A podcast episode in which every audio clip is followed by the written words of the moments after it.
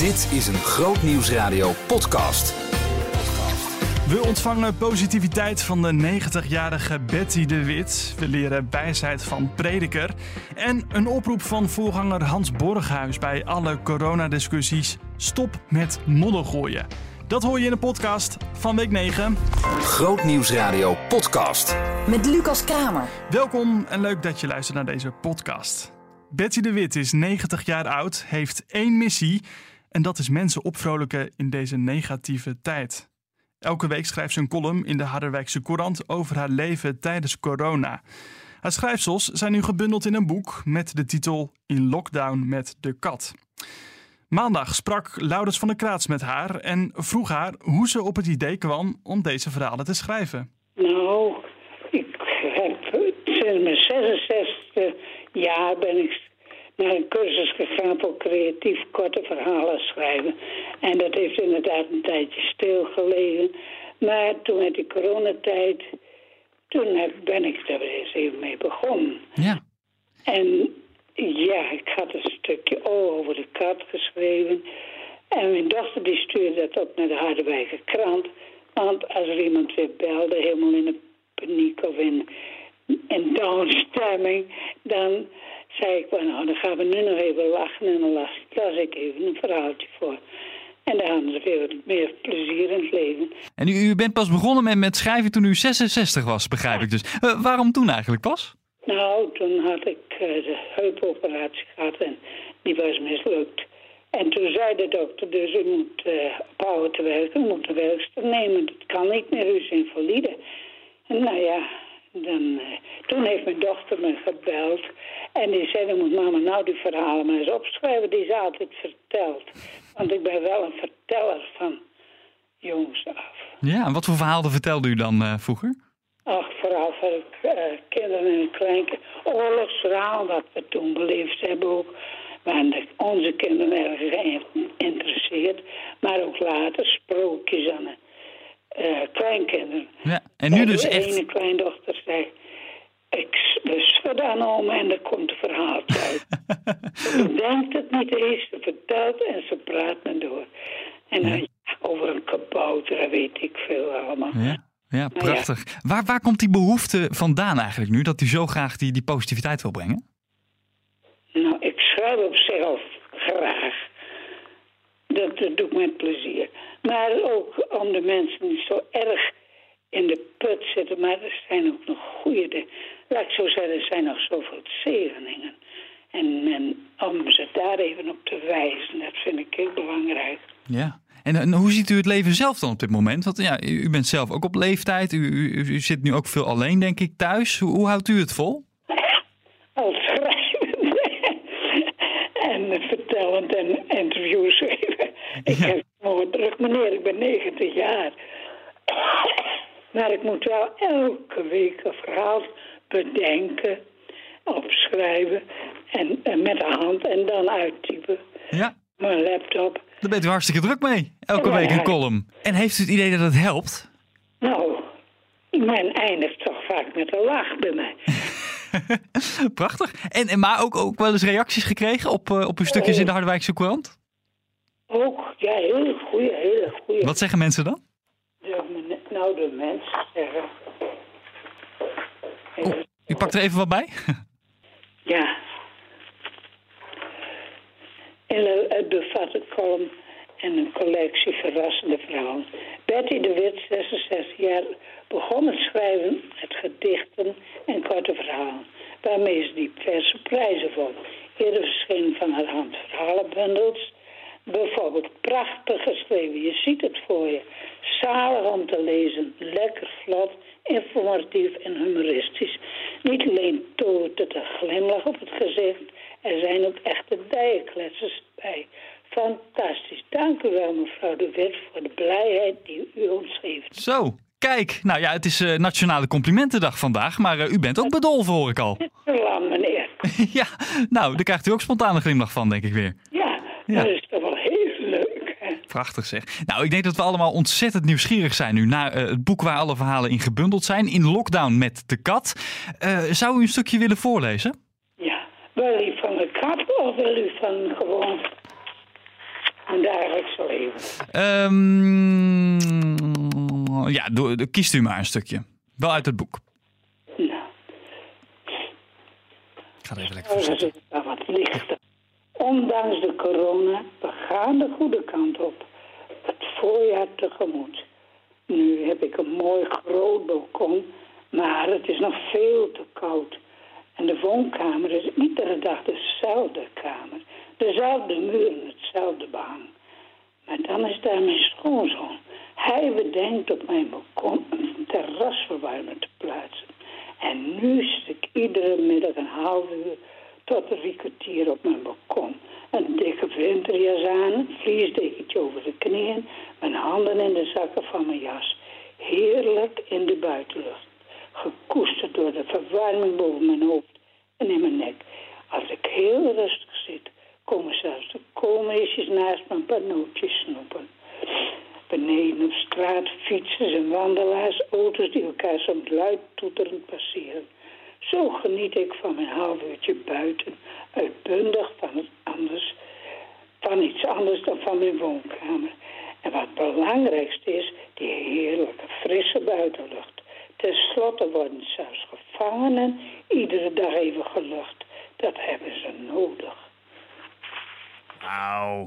Wat prachtig. Ja, ik word hier ook meteen blij van. Een stukje dus uit In Lockdown eh, met de kat van eh, Betty de Wit. Wat prachtig. En, en eh, ja, ik vind het ook sowieso heel, heel mooi om te horen hoe, ja, hoe je dus stil wil staan bij die, bij die dankbaarheid. Heeft dat ook, ook iets te maken met, u, met uw geloof in God? Dat dat, Ja. dat, dat daarin zit?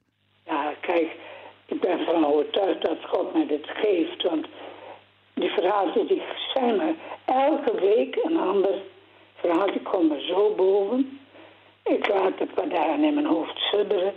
En dan pak ik de pen en ik schrijf, schrijf, schrijf, schrijf. Ik kan zo hard niet schrijven, ik kan het zelf haast niet meer lezen. Maar dan, de andere dag, ga ik het uitwerken op mijn laptop. En dan schaaf ik het helemaal bij, laten we het zo maar stellen. En dan stuurt mijn dochter, die reageert het en dan gaat het naar de krant. Nou, geweldig. Prachtig. Per week heb ik een nieuw verhaal. Nou, dat wordt me toch gegeven. U zegt echt, het wordt u echt, u ervaart het echt zo dat het verhaal Ja. echt van boven, zeg maar, Ja, komt. ja, dat kan ik zelf niet bedenken. Ik had ook nooit bedacht, gedacht dat ik er een boek van zou kunnen maken. Je hoorde de 90-jarige Betty de Wit. Ja, mooi wat ze zegt. Er zijn nog zoveel zegeningen. Haar boek die is eh, nu uit en heet In Lockdown met de kat. Grootnieuwsradio podcast. Met Lucas Kramer. Ja, zometeen horen we meer over de oproep van voorganger Hans Borghuis. Hoe we als christenen in de discussie rond corona en vaccinatie kunnen staan. Maar eerst horen we meer over de diepe levensthema's die Prediker met ons deelt. Sarianne van Dalen schreef samen met haar man Liewe Jan het boek Prediker voor jou. Dinsdag was Sarianne te gast in Bijorieke en daar ging het onder andere over deze bekende predikertekst. Er is niets nieuws onder de zon. Wanneer men van iets zegt, kijk iets nieuws, dan is het altijd iets dat er sinds lang vervlogen tijden is geweest. Wat zegt deze zin jou uit Prediker, Sarianne? Eh, dit zegt mij dat alles wat we hier in 2021 meemaken, dat we als we goed terugkijken naar de geschiedenis, als we lezen in de Bijbel, dat al, al, al is, is geweest. Nou, even een grapje Oreo misschien niet, het koekje. Het, ja. maar alle andere dingen aan, aan oorlog, aan ziekte, aan moeite, aan verdriet, aan lijden, aan mooie dingen, aan feesten. Hè? Het, is, het is al geweest. En het komt weer terug. Ook dat is een eh, circle of life, hè? Zo is het. En natuurlijk, in eh, 2021 zijn er allerlei weer nieuwe technieken en we ontwikkelen ons door. Maar in de kern, de Mhm. basis, dat gaat, gaat altijd door. Wat zegt het jou dan met hoe we omgaan eh, met deze tijd? Ehm, nou, allereerst wil ik mezelf en ik hoop ook degene die luistert nu eh, geruststellen met die gedachte. Het is al geweest. Hè? En ehm, natuurlijk wat er nu gebeurt, ook in de wereld, eh, hè, waar we gezamenlijk mee te maken hebben, bijvoorbeeld deze pandemie. eh, daarvan zijn er heel veel erge dingen. Hè? Dat wil ik echt niet uh, bagatelliseren. Hè? Ehm, dus er, zijn heel veel, er is heel veel leed op dit moment in huizen. En toch is het ook al geweest. En de wereld is doorgegaan. Toen ook. En nu ook. Dus het stelt me ergens wel gerust. Dat het al geweest is. En dat de zon vanavond weer ondergaat. En hè, zolang Jezus niet terugkomt op deze aarde, gaat de zon ook morgen weer op. En leef ik mijn dag weer. En ja, er sterven mensen, worden mensen ziek, verliezen mensen hun baan. Dus van alles hè, aan lijden. Mhm. Maar de wereld gaat door. En waarom stelt je dat gerust? Het stelt mij gerust omdat ik zelf als mens vaak het niet kan accepteren. Uh, ik wil graag naar een oplossing. Het grip. Een grip. Een redenering, een verklaring. Ik wil begrijpen waarom uh, hè, dingen gebeuren zoals ze gebeuren. Um, en natuurlijk mag je daarnaar op zoek. Hè? En natuurlijk zal er iets daarover te zeggen zijn. Maar tegelijkertijd zegt Preker, joh, het is ook al eens eerder geweest. Dus, uh, en toen, toen kwamen we er ook uit. En toen ging de zon ook weer op en ook weer onder. En de jaren gingen voorbij. En nu leven we in 2021. En zo is het ook nu. Dus het geeft me ergens rust dat ik het ook niet allemaal hoef te begrijpen. Mm. Ik hoef niet alles te begrijpen, want het is ook allemaal niet te begrijpen wat er op dit moment speelt in de wereld. Überhaupt niet in mensenlevens. Hè? Um, en dan zo'n tekst. Er is niets nieuws onder de zon. Dat helpt eigenlijk daarbij om, om, om er iets, ja. iets meer los te laten misschien. Om zelf als mens niet alles te willen begrijpen waarom het gebeurt. En wat juist in deze tekst voor mij zo uh, sterk is, dat God het dus wel begrijpt. En dat hij gewoon uh, in zijn almacht het dus wel overziet. Uh, en dat hij doorgaat op zijn manier, op zijn idee, op zijn tijd, in zijn wijsheid. Gaat hij gewoon door met deze wereld. Ja. Ook al begrijpen wij het niet en begreep destijds prediker het ook niet. Nee, want ik, als je door de geschiedenis heen uh, gaat kijken, als je, hè, dan is de geschiedenis ook zo belangrijk. Um, de men, er is niks nieuws onder de zon, mensen, hier in 2001. Het lijkt allemaal heel nieuw wat er gebeurt. Maar het is allemaal, hè, de, mensen voor ons hebben ook van alles meegemaakt. Aan rampen, aan ziektes, aan lijden. Uh, ja, en misschien nog wel, wel erger soms. Hè? Mm -hmm. Ja, dus er is echt niks nieuws onder de zon. En dat geeft mij ook in deze tijd en juist in deze tijd heel veel rust.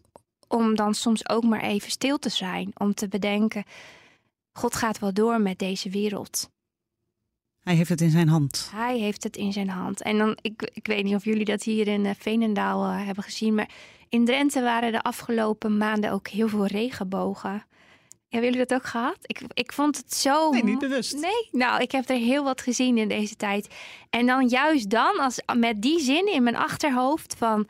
Hè, alles, hè, alles is al geweest. Um, er is niks nieuws onder de zon. Maar als dan die handtekening in de lucht staat van God, die regenboog. Hè, zijn trouw, hè, het, het symbool van zijn trouw ja, dan, dan, dan ben ik klein en dan wil ik maar stil zijn en, en daarop vertrouwen. Hij heeft alles in zijn hand.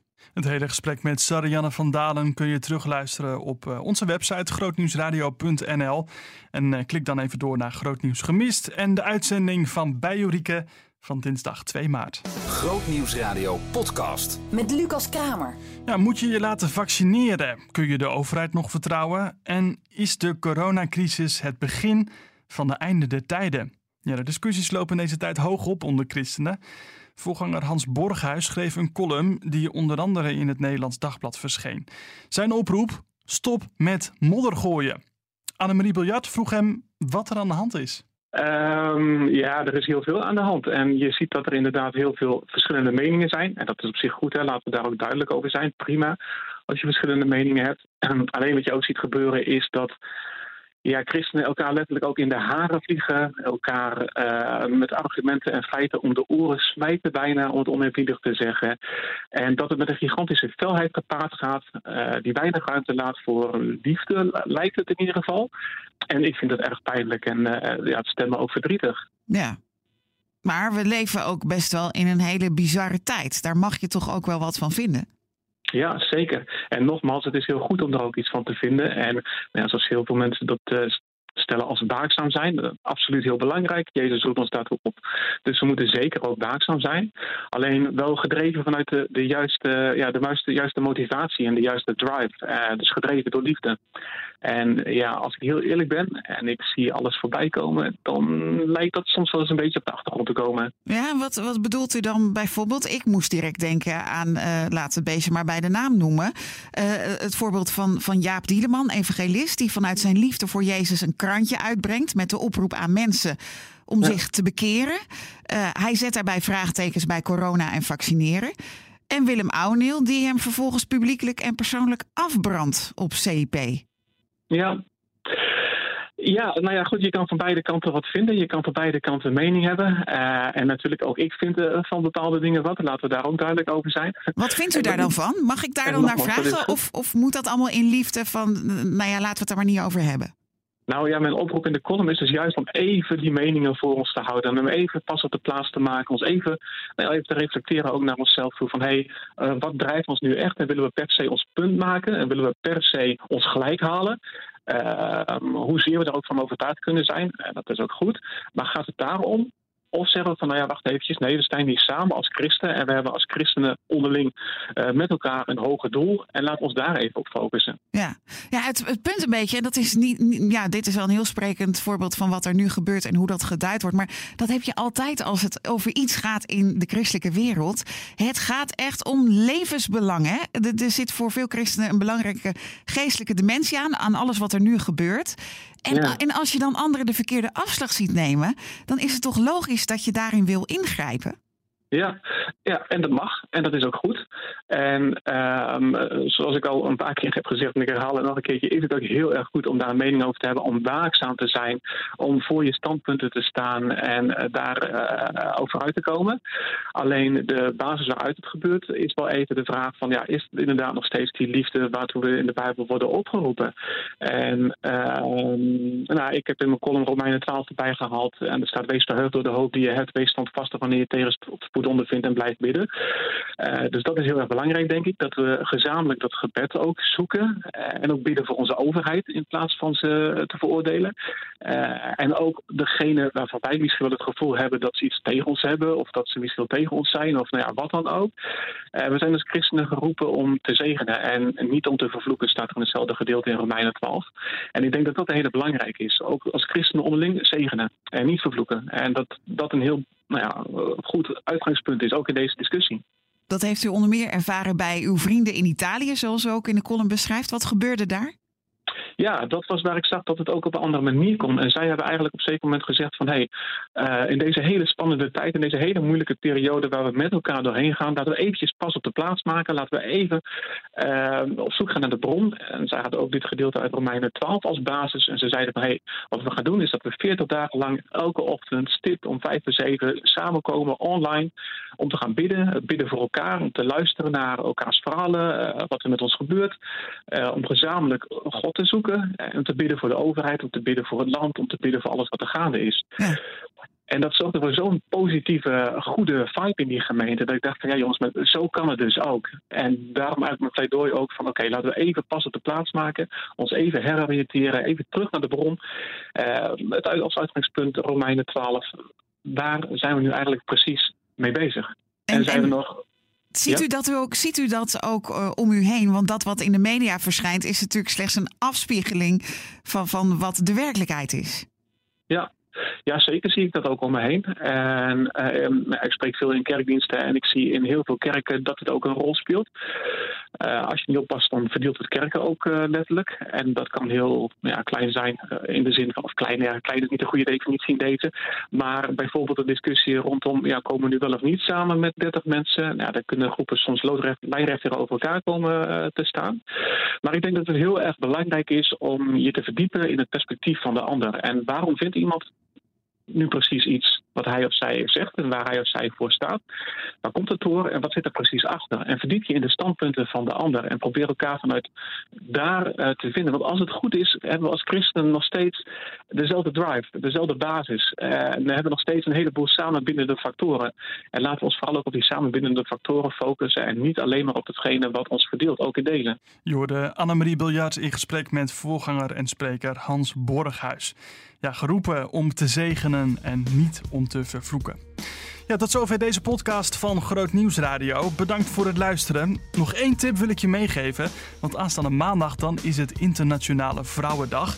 En Marien Korterink draait tussen 4 en 7 uur de nummers van allerlei topzangeressen. Nou, leuk om te luisteren dus. Maandagmiddag vanaf 4 uur bij Groot Nieuws Radio. Voor nu een goed weekend. Behoefte aan meer? grootnieuwsradio.nl slash podcast.